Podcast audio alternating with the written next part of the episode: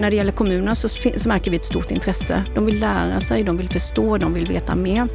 Och sen samtidigt så är det precis som i rikspolitiken. Det är en förhandling i det mesta och det är svåra lägen. Men har man någon ambition om att ändå försöka tillrättalägga för fler att kunna ta ett insteg på den ägda sidan, i vårt fall då, så är ju vi där för att beskriva att det här är en möjlighet om man säger för att sänka tröskeln till det ägda boendet. Ja, där får man ju också vara medveten om att det är många som ser det här som en ventil på en sämre fungerande bostadsmarknad. Att många önskar att det här inte skulle behövas. Kan olika typer av hyrköpsmodeller och delägarmodeller vara ett sätt att få fler att kunna äga sina bostäder? Den här veckan så samtalar jag med Kattis Karlén som är ansvarig för OBOs delägarmodell och forskaren Anna Granat Hansson. Och precis som Anna säger här så är det så att många önskar att just sådana här modeller inte skulle behövas. Samtidigt så har vi en situation med den värsta krisen i bostadsbyggandet på 30 år.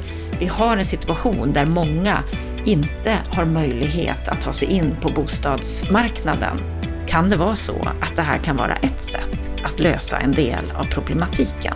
Mm. I den här veckan så ska vi just förkovra oss i den här frågan tillsammans med Kattis och Anna. Och Lennart Weiss kommer att kommentera det här samtalet i slutet.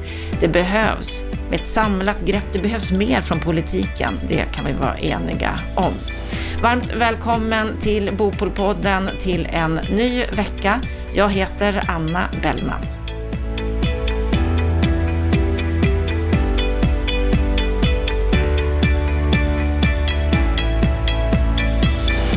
Nu har vi den värsta krisen i bostadsbyggandet på 30 år. Det är tufft för bostadsutvecklarna, hushållens köpkraft har försämrats kraftigt samtidigt som det finns en bostadssocial problematik där bland annat unga inte kommer in på den ägda marknaden mycket då på grund av kreditrestriktionerna.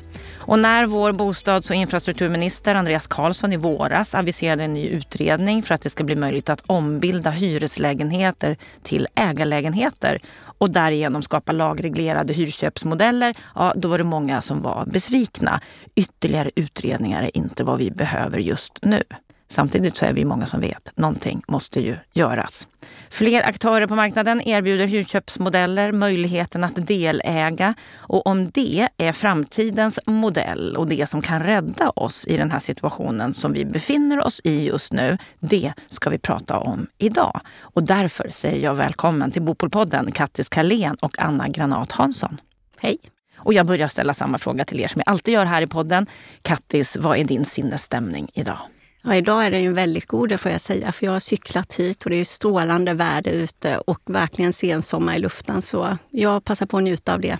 Anna, vad är din sinnesstämning? Ja, man kan inte bo, må annat än bra när det är så här ute. Mm. För när vi spelar in detta, då är det några dagar innan sändning och solen bara strålar och vi njuter av det känns lite sommar fortfarande.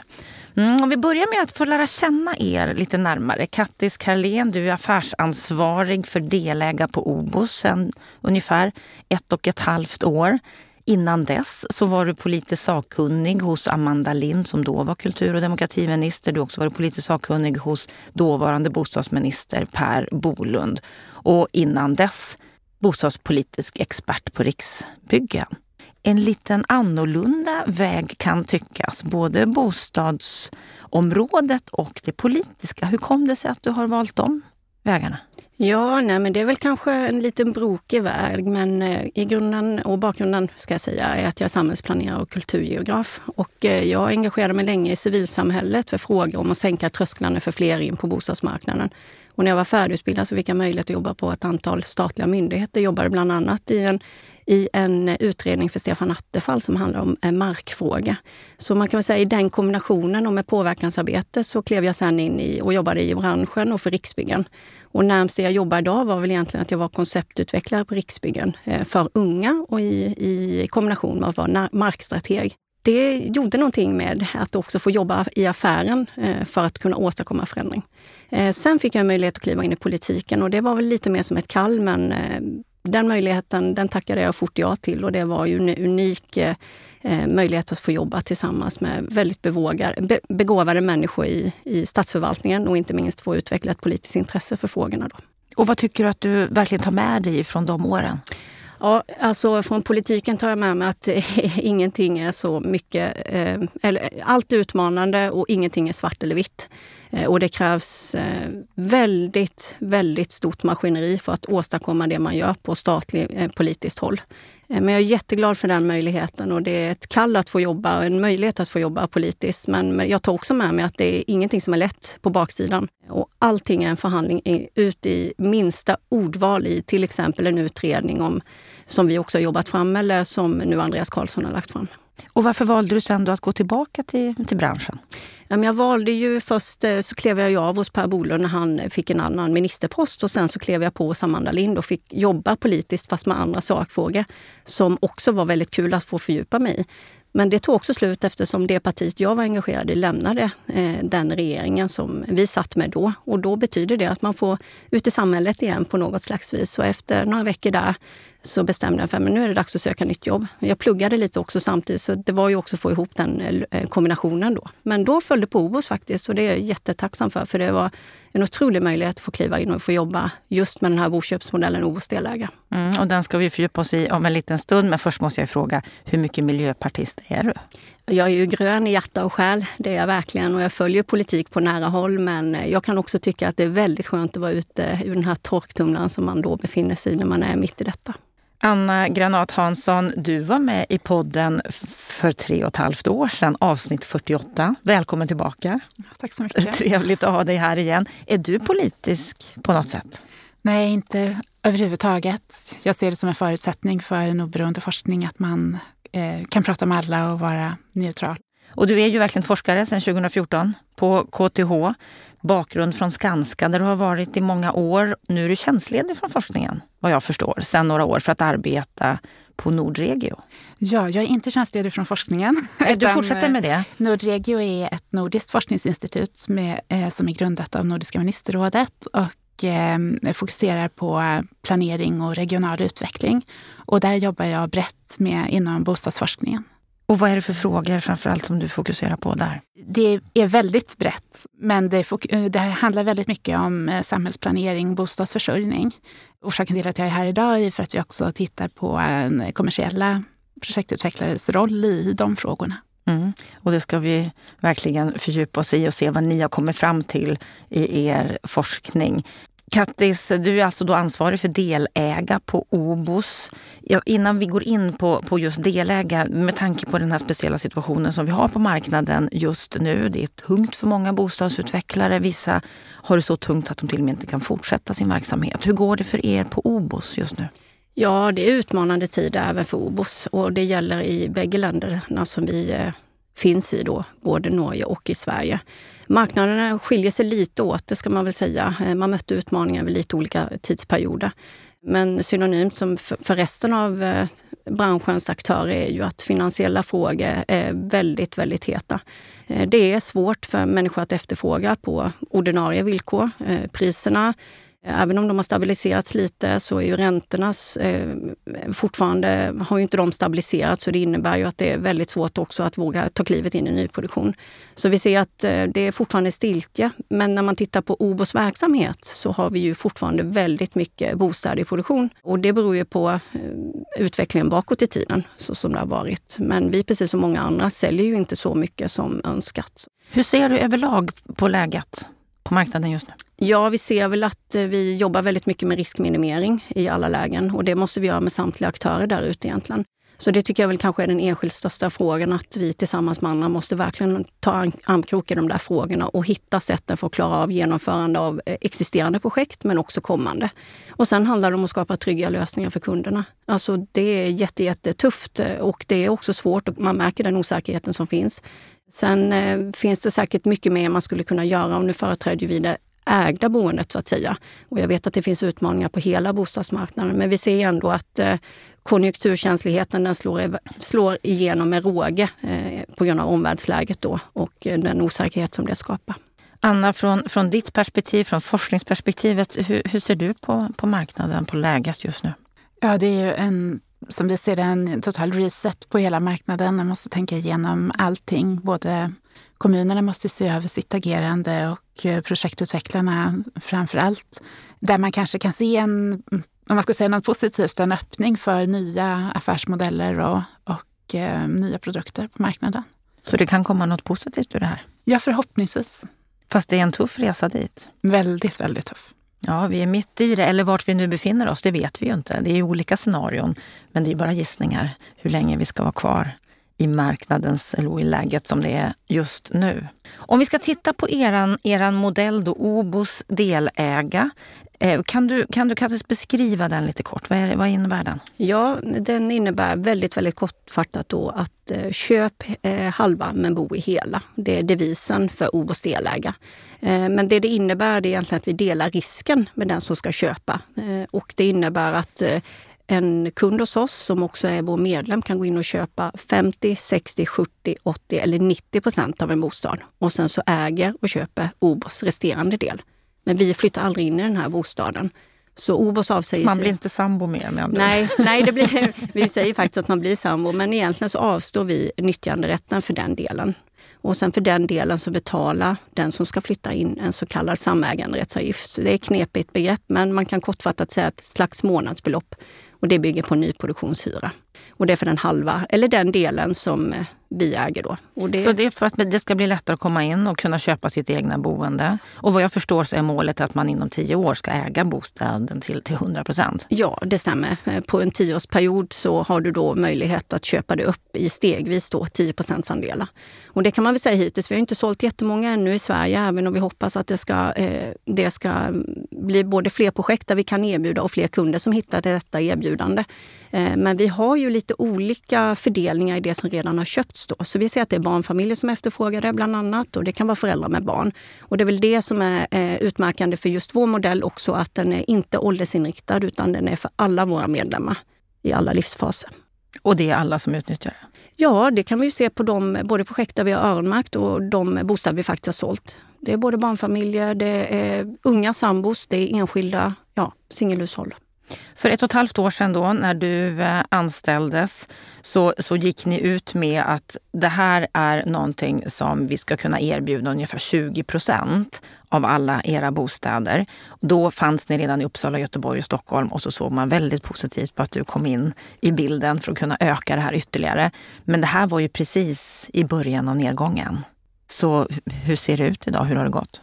Ja, men vi har ju eh, jobbat väldigt hårt för att egentligen eh, marknadsföra OBOS delägare. Eh, det är ju för kunderna obekant när det kommer nya typer av boendeformer. Det är ju inte heller en etablerad upplåtelseform utan eh, det är ju en variant av att Eh, köpa en bostadsrätt. Så där ser vi ju att konsumenterna de behöver en viss trygghet till detta. De behöver också mer information. Och sen dessutom så finns det ju fler varianter där ute. Vi kommer ju komma in på det. Men det gör ju också att det blir svårare för kunder att förstå vad de faktiskt går in och ska köpa. Så det jobbar vi väldigt mycket med. Och det kräver ju både internt och externa in insatser i sammanhanget. Den andra delen är vi ju beroende av att vi igångsätter projekt. Annars har vi ingenting att erbjuda. Och det är där som det har varit lite mer knackigt. Då. Och det gäller att inte kunna bygga nya... Precis, och det gäller ju egentligen för hela vår verksamhet och för hela bostadsmarknaden kan man väl säga. Man kan väl ändå se det här som ett väldigt attraktivt sätt att äga en bostad, framförallt nu när räntorna har gått upp så mycket? Det tror jag ändå att man ska kunna se det som. Alltså i grund och botten så för den delen du ska gå in och äga tillsammans med oss ska du klara all kreditprövning och bankens villkor. Så det är ju inget eh, att gå in i detta om du inte har de förutsättningarna så att säga. Och det betyder att vi hjälper ju egentligen enskilda målgrupper kan man ju säga då på bostadsmarknaden. Eh, inte alla, alla, men det beror ju också på vad det är du eh, efterfrågar och i vilka geografier du befinner dig, vilka behov du har och så vidare. Så det, det får man ju väga efter möjligheter och livsfas och möjligheter egentligen då. Och då undrar jag, vad, vilka olika geografier är särskilt intresserade av det här? För vår del så är det ju i kombination med eh, en storstadssatsning som vi lanserade för några år sedan. Och det är där vi också ser att det gör störst skillnad. Och vårt bästa kan jag se egentligen Norge där vi också har etablerat eh, fler boköpsmodeller då också i storstadsområden. Och där priserna är som högst, det är där det gör störst skillnad. Och i delägares fall så är ju eh, incitamentet att komma ner kontantinsats för det är egentligen det sparade kapitalet som är det svåraste hindret för de flesta. Den trånga sektorn för ja, många. Mm. De flesta har betalningsförmåga men kontantinsatsen är ju det som är den stora hämskon för många.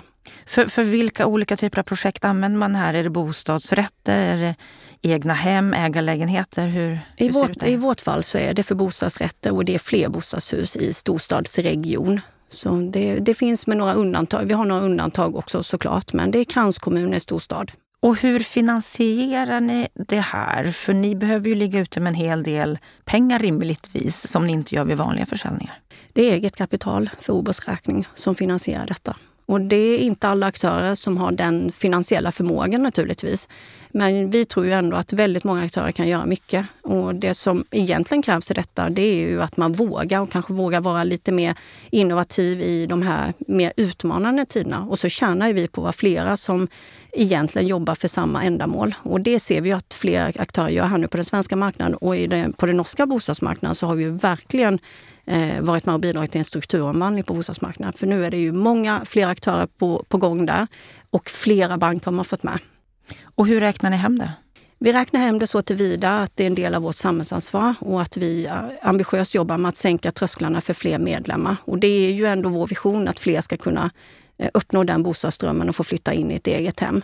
Så man kan säga att där har vi den långsiktiga, långsiktiga förtjänsten. Men naturligtvis är det så att vi vill sänka trösklarna, att fler än en kan gå in och eh, äga en bostad tillsammans med oss eh, och på sikt också köpa upp den delen av bostaden. Och eftersom man delar månadsbeloppet med oss också som går in till till föreningen så får man ju ändå säga, eller beroende på ägarfördelning då förstås, så är det ju ett, ändå ett incitament för att kunna spara till sig själv och köpa sig upp i andel så fort som möjligt. Och det är ju det bästa sättet att sänka sin egen kostnad, men också får ju vårt kapital arbeta och möjligheten att kunna göra uppköp ändå enkelt. Och samtidigt är det precis som du har sagt, att ni har ju problem med att producera nya projekt. Det är tufft på marknaden idag. Ni har ju varslat en hel del anställda. Ska ni verkligen fortsätta med det här konceptet? I vår strategi så ska vi fortsätta och det gäller i bägge våra länder. Så det har vi ingen ambition att lägga ner eller att lägga detta åt sidan. Men det är klart, det ska ju också följa med den utveckling som vi själva ser på lång sikt också är möjlig för, för OBOS i Sverige. Och det finns ju precis som du varit inne på Kattis, olika typer av modeller. Ni har ju er modell och Anna, du har ju och forskar ju kring olika typer av modeller. Kallar det för hybridmodeller. Berätta. Det är helt enkelt de modeller som ligger mellan hyra och ägande. Man kan också säga intermediära upplåtelseformer. Och där har jag arbetat tillsammans med en doktorand på KTH som heter Lisa Bergsten, där hon i sin avhandling fokuserar helt på den här typen av modeller. Det är en väldigt relevant och intressant forskare att jobba med. Så vi har haft en rolig tid tillsammans när vi har skrivit ihop det här. Och i den här forskningsstudien som är aktuell idag så har vi tittat på två modeller av kooperativ hyresrätt och två modeller av boköp. För ni har bland annat tittat på OBOS ja. modell, delägarna har tittat på HSBs Dela, SKB, Bokoop. Ja. Och hur skiljer de sig åt? Berätta. Det eh, stora som vi ser mellan HSB och OBOS är ju att eh, HSB vänder sig bara till unga. Ehm, eh, Medan OBOS med baserat på sina erfarenheter från Norge också ehm, titta på bredare målgrupper. Vår studie är en del av ett större forskningsprojekt eh, där vi tillsammans med forskare på universitetet Oslo-Met har gjort en stor studie kring mellanskiktets insteg på bostadsmarknaden.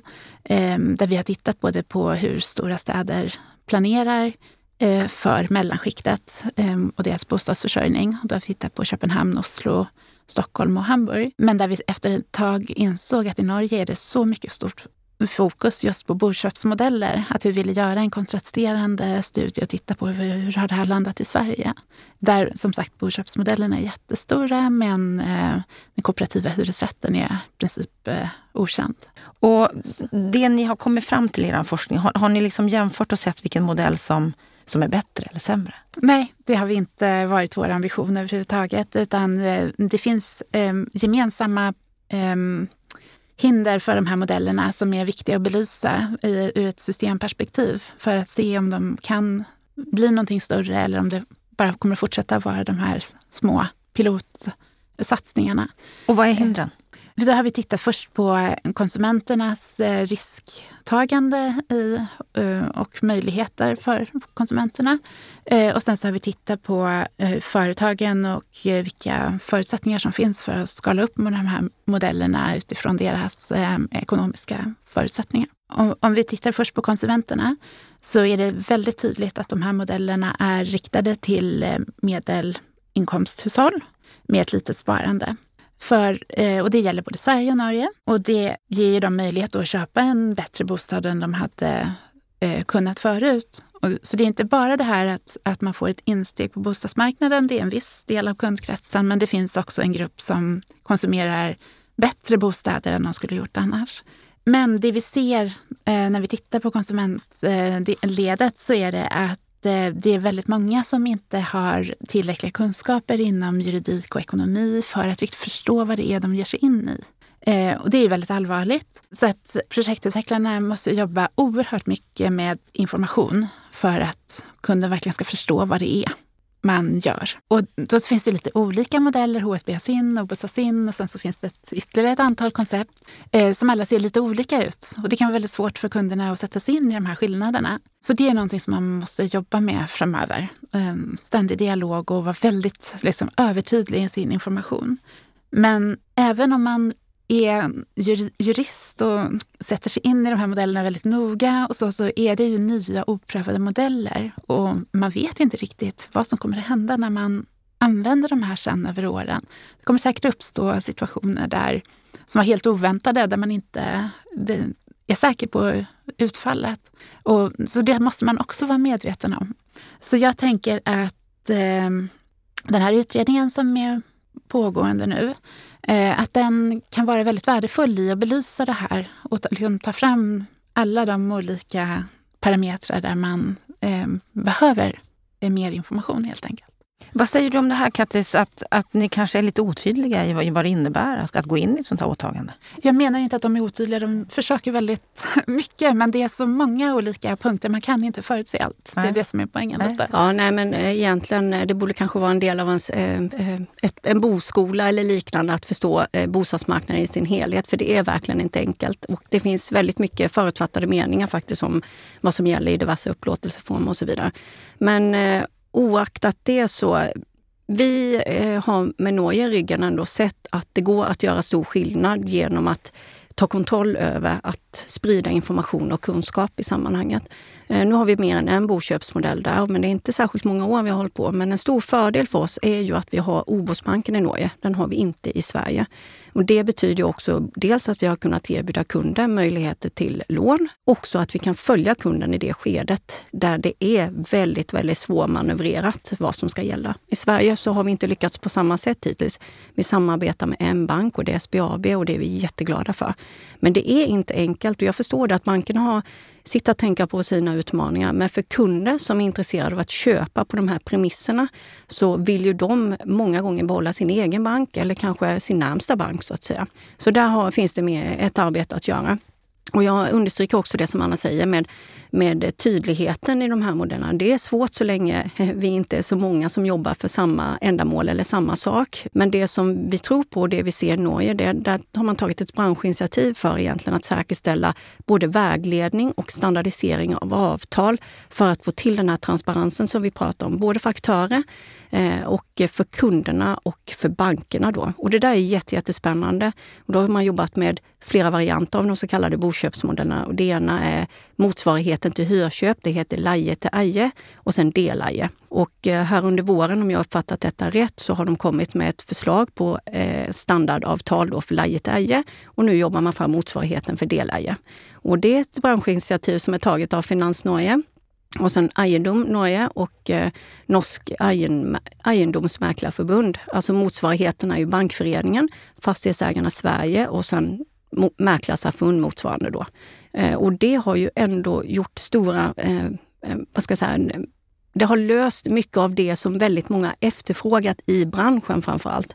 Och vi uppfattar ju som sagt att den här strukturomvandlingen som pågår i Norge, den har ju inte hänt bara utav sig själv, utan det är väldigt många aktörer som hoppar på detta här nu och ser en möjlighet att också med de här föreskrifterna som blir nationella då kunna både erbjuda och kanske utveckla egna modeller som är likartade då. Och då får vi ett genomslag på bostadsmarknaden. Så vi skulle behöva något liknande här? Absolut, och det är vi de första att skriva under på och verkligen försökt lyfta i flera sammanhang här det senaste året. Men det är inte så enkelt och det är det som också Anna varit inne på eftersom det för många företag fortfarande är på, på en slags pilotnivå eller bara i ganska liten skala då. Då är det svårt att få genomslag. Men vi får göra vårt och den här utredningen den får man väl ändå se som en möjlighet. Men även vi har ju varit lite kritiska i det att vi, boköpsmodeller som begrepp inte är inkluderat och inte förhållningssättet till det heller då. Precis, nu är du inne på den här utredningen då som Andreas Karlsson presenterade i maj. Den kallas då för lagreglerade, lagreglerade, svårt ord, lagreglerade hyrköpsmodeller ska skapas där de menar att det ska bli möjligt att ombilda hyreslägenheter till ägarlägenheter och lagreglerade hyrköpsmodeller ska skapas. Vad säger du om den, det förslaget, Anna? När, när man läser det här direktivet som utredningen har fått så eh, framgår det ju väldigt tydligt att boköpsmodeller är inkluderade. Men det är lite begreppsförvirring där man inte liksom använt det ordet. Men, men det är tydligt att det ingår. Och man kan ju hoppas att utredaren då som får väldigt kort tid på sig att göra det här ändå fångar upp debatten och tar till sig det som Obo säger och följer utvecklingen i Norge. Så att man får med det i utredningen. Och kan titta på hur, vilken motsvarighet vi skulle kunna ha här i Sverige. För att få det här att bli institutionaliserat och liksom ett, ett allmänt accepterat koncept på svensk bostadsmarknad så behöver man gå den vägen. Så att det är tydligt och man har det här konsumentskyddsperspektivet eh, väl avvägt i det. Inte bara från projektutvecklarna utan att det även kan komma från, från andra aktörer. Så att det så att det får en fast form. Mm. Då, då, tror jag att det ska, liksom, man skulle kunna gå vidare med det här. Och sådana här processer tar ju väldigt många år. Så även om det i dagsläget inte säljs jättemånga lägenheter med det här konceptet så får man ju se det som en framtid. Att eh, vill man att det här ska etablera sig så måste man jobba med det även över lågkonjunktur. Vad säger du Kattis, vad skulle du säga, vad är skillnaden mellan det förslag som Andreas Karlsson har när det gäller hyrköp och er modell? Ja, alltså det är ju det att det, det man kikar på där det är ju om det finns eller det behövs justeringar i lagutrymmet. Det är så jag ändå i det stora hela läser den utredningen. Och sen boköpsmodeller som Obo Stelägare exempelvis, den omfattas ju inte av den lagregleringen som man kikar på. Men allting annat som innebär eh, eh egentligen att man vill eh, tydliggöra boendeformerna som existerar där eh, ute eller man känner att man vill jobba mer med vägledande insatser via myndighet eller sådär. Det är ju ingenting som eh, vi inte ser ska vara en del av den här utredningen. Men det jag, det jag eller flera med mig på OBOS reagerar är ju att man ändå väljer att inte omtala det. Sedan som begrepp är det ju inte helt enkelt och det känner ju säkert framförallt du Anna till också, speciellt i det här fältet som vi befinner oss i.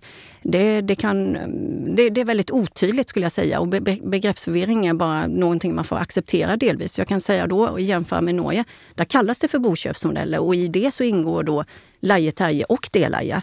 Så det är klart att det kan bli förvirrande även i detta sammanhang.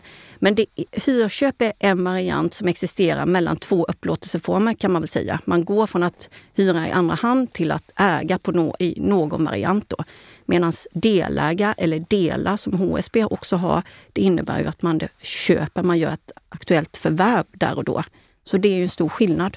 Ja, och lite har den väl kastat väldigt mycket på den här utredaren kan man tycka, där hyrköp eh, beskrivs som något som man ska använda kanske i utsatta områden för att stabilisera upp dem. Medan boköpsmodellerna är någonting helt annat som vänder sig till mellanskiktet. Så det är en väldigt bred palett på bostadsmarknaden som ska pressas in i det här. Och sen att man har begränsat då att det handlar om lagreglering. Om man ska vara snäll så kan man väl tänka att Eh, man kanske inte var jätteinsatt i frågan när man skrev de här direktiven och förstod eh, omfattningen på de här frågorna. Och då kan, kanske man kan, utredningen kan peka på att man kan utreda det här vidare eller diskutera det här vidare i annan form för att och göra det tydligare vad det, vad det handlar om. Har du förhoppningar om att de kommer att bli tydligare, att det kommer att leda till något? Ja, det måste man ju ha. Jag tycker det är så mycket som ändå står med här i, i direktivet. Så att jag tror på dem. Vad skulle det innebära för er Kattis om det blev lagreglerat med hyrköpsmodeller? Ja, det kan ju faktiskt innebära att eh, det innebär att eh, det blir för snävt i sammanhanget om man tänker att det finns ett antal hybridvarianter eller så kallade instegsmodeller där ute. Och den märkligheten möter vi redan nu och i dialog med kommuner och så vidare så är det väldigt intressant. Och, eh, Eh, få framföra just att det finns skillnader i detta. Så ska det komma någon slags vägledning i detta så är det ju att eh, det bästa för kommunerna är om de kan vara breda i sina insatser och säga, inte förbehållslöst naturligtvis om man vill styra, men skulle man önska att fler eh, aktörer där ute erbjuder olika former av insteg, Eh, då behöver det vara med bredare ramar och inte snäva. Eh, vi har själva varit med om det när vi har haft dialog med kommuner där de har varit särskilt fokuserade på till exempel hyrköp. Men då exkluderar man ju sådana aktörer som JM som nu också har lanserat delägare, eller OBOS, eller HSB, eller andra aktörer där ute. Vad skulle du säga Anna, vad, vad krävs för att den här typen av modeller, hybridmodeller, ska slå igenom på allvar och, och bli större än bara små projekt? Nej, men jag tänker det här att det blir institutionaliserat, att det finns en, en eh, liksom allmänt accepterad form för det. Det är en sak. Och där eh, ser ju jag personligen inte att man ska lagreglera det här utan att det ska vara standardavtal och så som eh, kommer fram i samarbete mellan flera aktörer. Som, då får man ju också, om man lagreglerar så blir det väldigt stelt att det är det här som gäller och det är väldigt svårt att ändra och man kan inte följa utvecklingen lika snabbt. Utan eh, standardavtal behöver man inte lagreglera utan det kan man gå fram med ändå. Det tror jag är en väldigt viktig del. Men sen så eh, är finansieringsaspekten väldigt, väldigt tung. Och det kan man ju inte reglera eller eh, påverka överhuvudtaget utifrån, utan det handlar ju om bolagens finansiella status helt enkelt och hur mycket man är beredd att satsa. Så det är ju upp till marknadsspelarna att avgöra hur mycket de vill använda det här och inte. Mm, och där finns ju en stor problematik och framförallt i de här tiderna. Absolut. Och, men det är inte någonting som någon kan göra någonting åt mer än de själva, som jag ser det. Sen så är det också kommunerna, hur de funderar kring sin markanvisning. Eh, och vad de önskar och vad de inte önskar och vilka eh, krav de ställer på, på det här. Det är en stor fråga nu, för, har jag förstått, i flera kommuner vilken typ av bostadsmarknad man vill ha. Hur möter ni... Väldigt ideologiskt. Och, och, och, vad säger du om det Kattis? Hur möter ni kommunerna eller hur möter de er? Alltså vi möts ju ofta i dialog i olika skeden naturligtvis. Men det är ju de tidiga skedena som det mesta avgörs. Och eh, där så märker ju också kommunerna nu att det är svårt med genomförande i projekt. Och det gäller både stora och små kommuner. Och jag tror att eh, vi har inte sett det värsta av det ännu.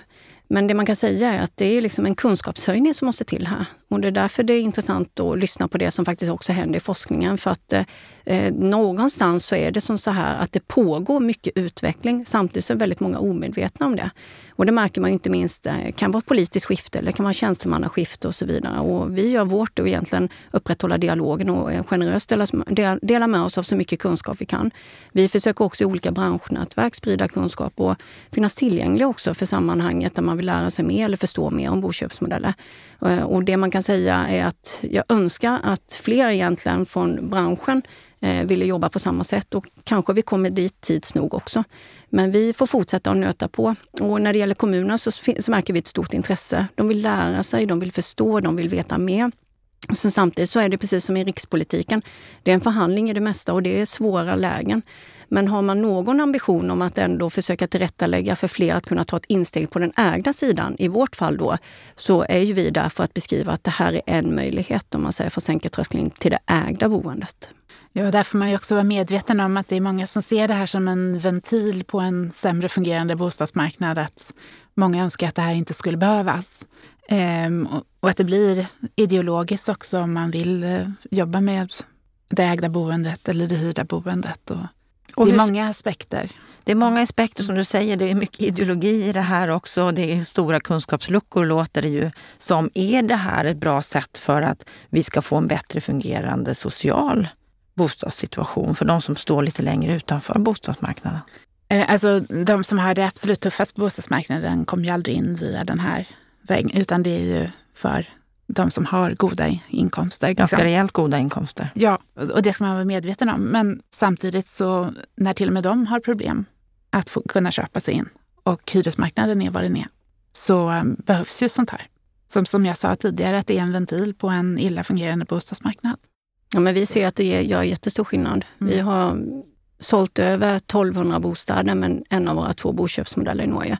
Och vi har ju flera som har flyttat in i bägge varianter så att säga. Men om man då eh, håller sig till deläge och beskriver den och kan se på vilken typ av kunder som efterfrågar eller medlem, då är det förvisso väldigt många unga hushåll. Men vi ser till exempel också frånskilda eller de som behöver flytta tillbaks till en storstad. De har varit och studerat utomlands eller bott någon annanstans och flyttat tillbaks.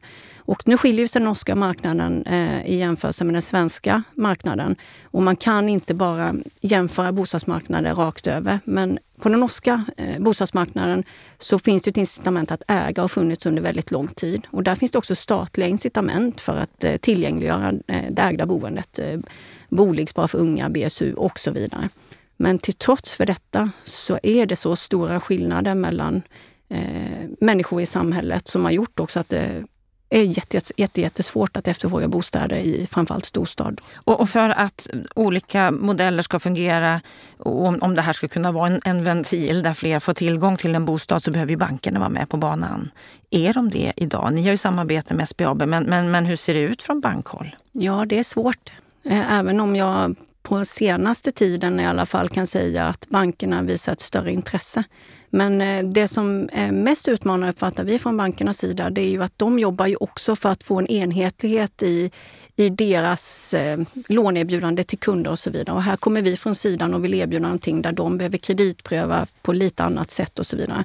Så jag ser det ju snarare som att eh, vad skulle vi kunna tillsammans då försöka uppnå för att det ska vara enklare för banken att kunna möta sin kund. Men det är väl det ena. Och sen så vi samarbetar med SBAB. Det är en väldigt centraliserad bank om man får generalisera i jämförelse med andra banker som eh, har många lokala kontor. Och jag förstår att det skapar en utmaning för bankerna men, men vi jobbar ju också med att informera kunderna om hur och på vilka sätt de skulle kunna ta kontakt med bank. Och jag tror att trycket måste komma från bägge håll. Och så tror jag att bankerna måste våga se det som potentiella långsiktiga kunder för sig själva också. Vi hjälper en medlem men bankerna kan faktiskt behålla kunder över, alltså över tid. Är det här någonting som ni tittar på, Anna? bankerna har ju blivit ännu mer eh, tveksamma till eh, utlåning till privatpersoner eh, av helt naturliga skäl med den utvecklingen som är. Och sen när man kommer med det här säljstödjande finansieringslösningar ovanpå det så blir det ytterligare en utmaning för deras ehm, eh, kreditprövningar. Så naturligtvis så behövs det massor med information och en väldigt tät dialog Eh, med bankerna för att eh, kunna sätta det här. Och det är ju en del i den här processen då. Att om man, om man har många aktörer och ett standardiserat avtal att komma med så kommer det bli så mycket lättare att förklara för bankerna vad det här är för någonting. Och eh, också att de ser att de inte bara jobbar med ett bolag då, utan att de kan jobba med flera bolag och få en större volym. Då blir det mer aptitligt för dem. Om vi ska sammanfatta detta och försöka skicka iväg en önskan, vad skulle ni vilja se från högsta politiskt håll? Nej, vi får väl eh, se den här ehm, utredningen an med tillförsikt. Här. Den ska eh, presenteras i december. Och ehm, nu har de ju fått lite inspel här under vårt samtal på vad de bör vad de bör tänka på. Ja, ja men jag, jag, tror att den här utredningen den har nog varit eh, under hård förhandling också mellan fyra partier. Eh, det är jag helt övertygad om. Eh, den innehåller dessutom två olika ben då, utan att vi fördjupar oss i det. Men, men det betyder att det kommer vara en lång väg och en utmaning i att försöka eh, hitta svar på väldigt många av de frågor som utredaren nu har för, framför sig att eh, svara på. Men vi hoppas absolut få frågan och vi är gärna med och bidrar. Det har vi uttryckt tidigare också eh, med den kunskap och erfarenhet vi har hittills. Men sen önskar jag verkligen, och det var inte alls länge sedan vi träffade branschaktörer där vi eh, samstämmigt sa det, vi skulle behöva en tydlighet i detta och ett branschinitiativ är precis vad vi skulle behöva. Och det kanske inte politiken vågar dra i, men politiken skulle absolut kunna vara med och heja fram detta. Så vi tror på eh, att eh, bostadsministern pratar med eh, eh, finansmarknadsministern och försöker ta eh, eh, ett branschinitiativ framåt. Och sen tror vi på att banken också skulle våga tillsammans med någon förenande kraft i alla fall jobba för standardisering av avtal och vägledning. Mm. Det är många parter, många aktörer som behöver ja, vara engagerade. och jag tror att det är jätteviktigt att politiken är med här och, och belyser det här från olika håll. Så att eh, det inte bara framstår som ett bransch, branschinitiativ utan att det blir eh, mer sanktionerat också från politiskt håll. För att det verkligen ska kunna bli någonting på riktigt som folk litar på. Mm. Vi får hoppas att era önskningar slår in och vi kommer ju följa detta och se vad som händer. Stort tack för att ni bidrog till ökad kunskap och information under det här samtalet. Tack Anna Granat Hansson och Kattis Kalén. Tack.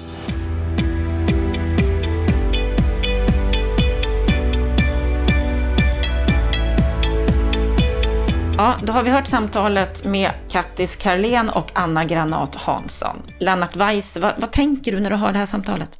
Jag tänker först att det är väldigt intressant att, att höra hur kommersiella aktörer tar sig an ett problem som har uppstått till följd av att eh, regleringar och annat gör att kreditmarknaden i praktiken inte fungerar. Och tar man ett steg tillbaka från den iakttagelsen så får man ju många tankar om hur, hur branschen bör agera framåt men också politiken och, och, och Kattis och Eh, Eh, Anna Granat reflekterar ju väldigt intressant kring de problemen.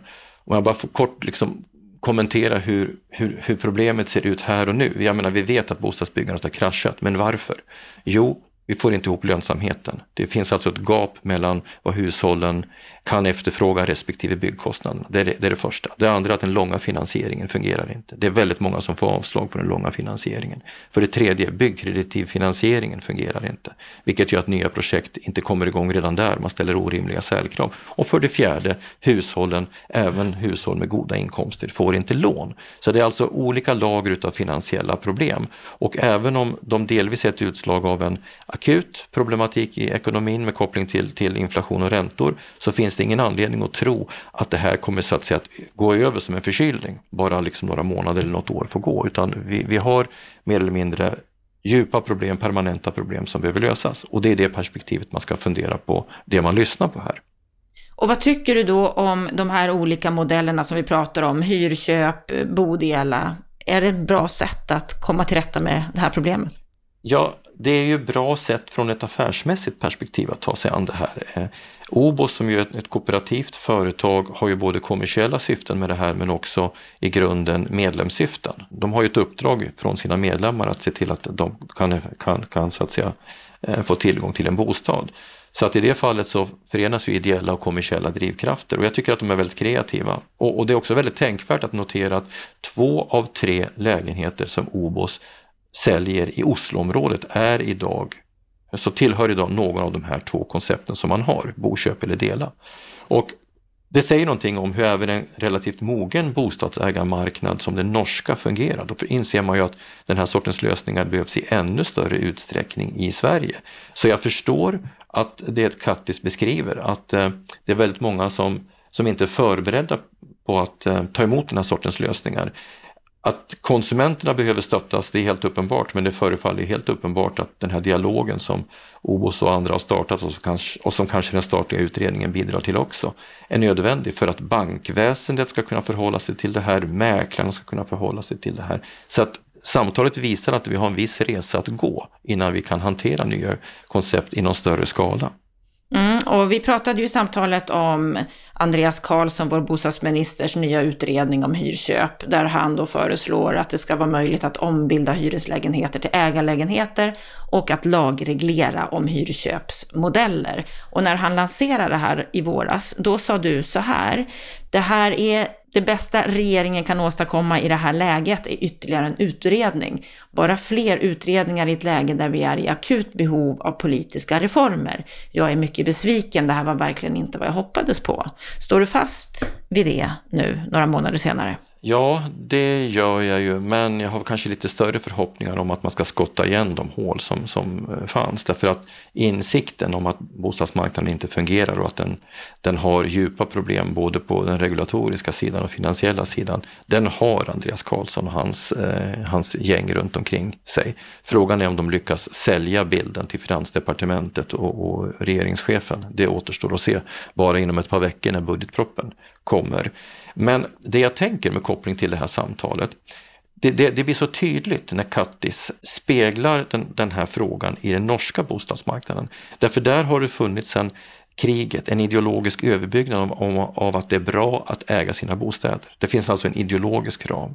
Det har också skapats institutionella redskap för att hantera ett bostadsägande i form av Husbanken, eh, boligsspar för ungdom, boligtillskudd, Husbanken och så vidare. Va? Det saknar vi i Sverige, så kopplingen mellan ideologisk överbyggnad och finansiella institutionella lösningar Eh, måste skapas även i Sverige. Och för det tredje så måste ju då eh, regelverken hänga med.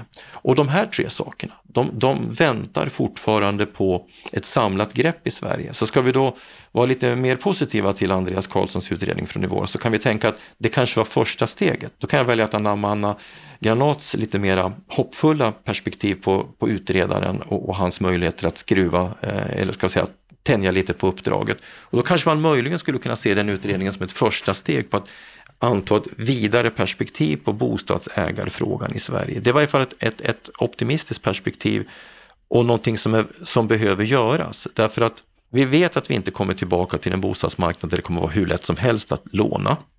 Men vi vet fortfarande att bostadsägande är rationellt för den som ska bo långsiktigt på en plats. Det är mycket mer fördelaktigt för hushållsekonomin långsiktigt. Ja, men då måste vi bejaka bostadsägandet och då måste vi göra det ideologiskt och via regelverk.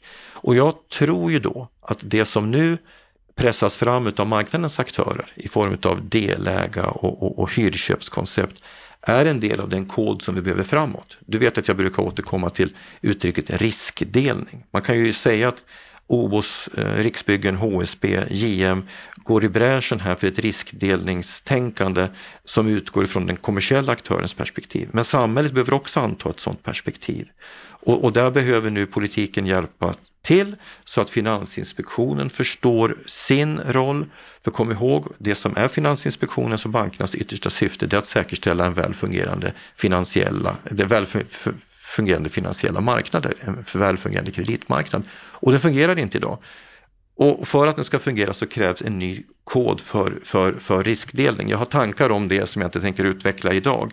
Men det här är naturligtvis ett första steg på vägen som är nödvändigt. Så att jag tycker att om man sätter in det här samtalet i det sammanhanget så sker det någonting väldigt, väldigt intressant nu. Tittar man alldeles för, med för stort ska säga, förstoringsglas och bara tittar på detaljerna här och nu så ser man inte hela bilden. Men zoomar man ut lite så kan man se att det här kan vara början på en större anpassning utav, av, systemen runt omkring bostadsmarknaden. Och på det sättet så är det här intressant och jag tycker att de båda bidrog på ett intressant sätt att eh, reflektera kring de här frågorna. Så jag hoppas att ministern och hans entourage lyssnar på samtalet och funderar på vad det kan ge dem för ledtrådar för det här arbetet framåt. Och om det då är så att de gör det, om vi fortsätter att ha de här positiva glasögonen på oss och att det här verkligen kan ge en effekt, att det kan få ett större spelrum på den svenska bostadsmarknaden. Vilken effekt skulle det kunna ge konkret? Vad tror du? Att fler hushåll med sin egen ekonomi kan klara sin bostadsförsörjning. För det är ju precis som någon av dem påpekade, jag tror det var Anna, att, att eh, det här är en lösning för det breda mellansegmentet, alltså den stora breda marknaden utav hushåll som i grunden kan försörja sig själv och ha relativt goda inkomster. Det är ju en varningssignal till hela samhället när till och med de har svårt att efterfråga en bostad. Socialgrupp 4 vet vi redan har, har särproblem och, och, och de behöver särlösningar. De klarar sig inte själva helt enkelt. Så att eh, det är en varningssignal om att det är hög tid att vidta åtgärder och eh, då, då räcker det inte med duttande utan nu kräver det liksom systematiska grepp i en riktning som gör att fler hushåll faktiskt kan klara sin bostadsförsörjning på egna villkor. Men det kräver också att, att finansiering och institutionella verktyg är på plats och det är de inte i Sverige. Det, det är bara att konstatera det. De är inte det i Sverige. Vi kan titta mer på Norge där de har kommit längre och så får vi hoppas att det sker en utveckling. Vi kommer naturligtvis att följa det. Tack Lennart för din kommentar. Tack till dig som lyssnar på Bopolpodden. På fredag då är vi tillbaka igen med det senaste som har hänt under veckan när det rör allt ifrån bostäder och fastigheter och samhällsbyggande. Jag hoppas att vi hörs då och jag hoppas att du får en riktigt fin vecka.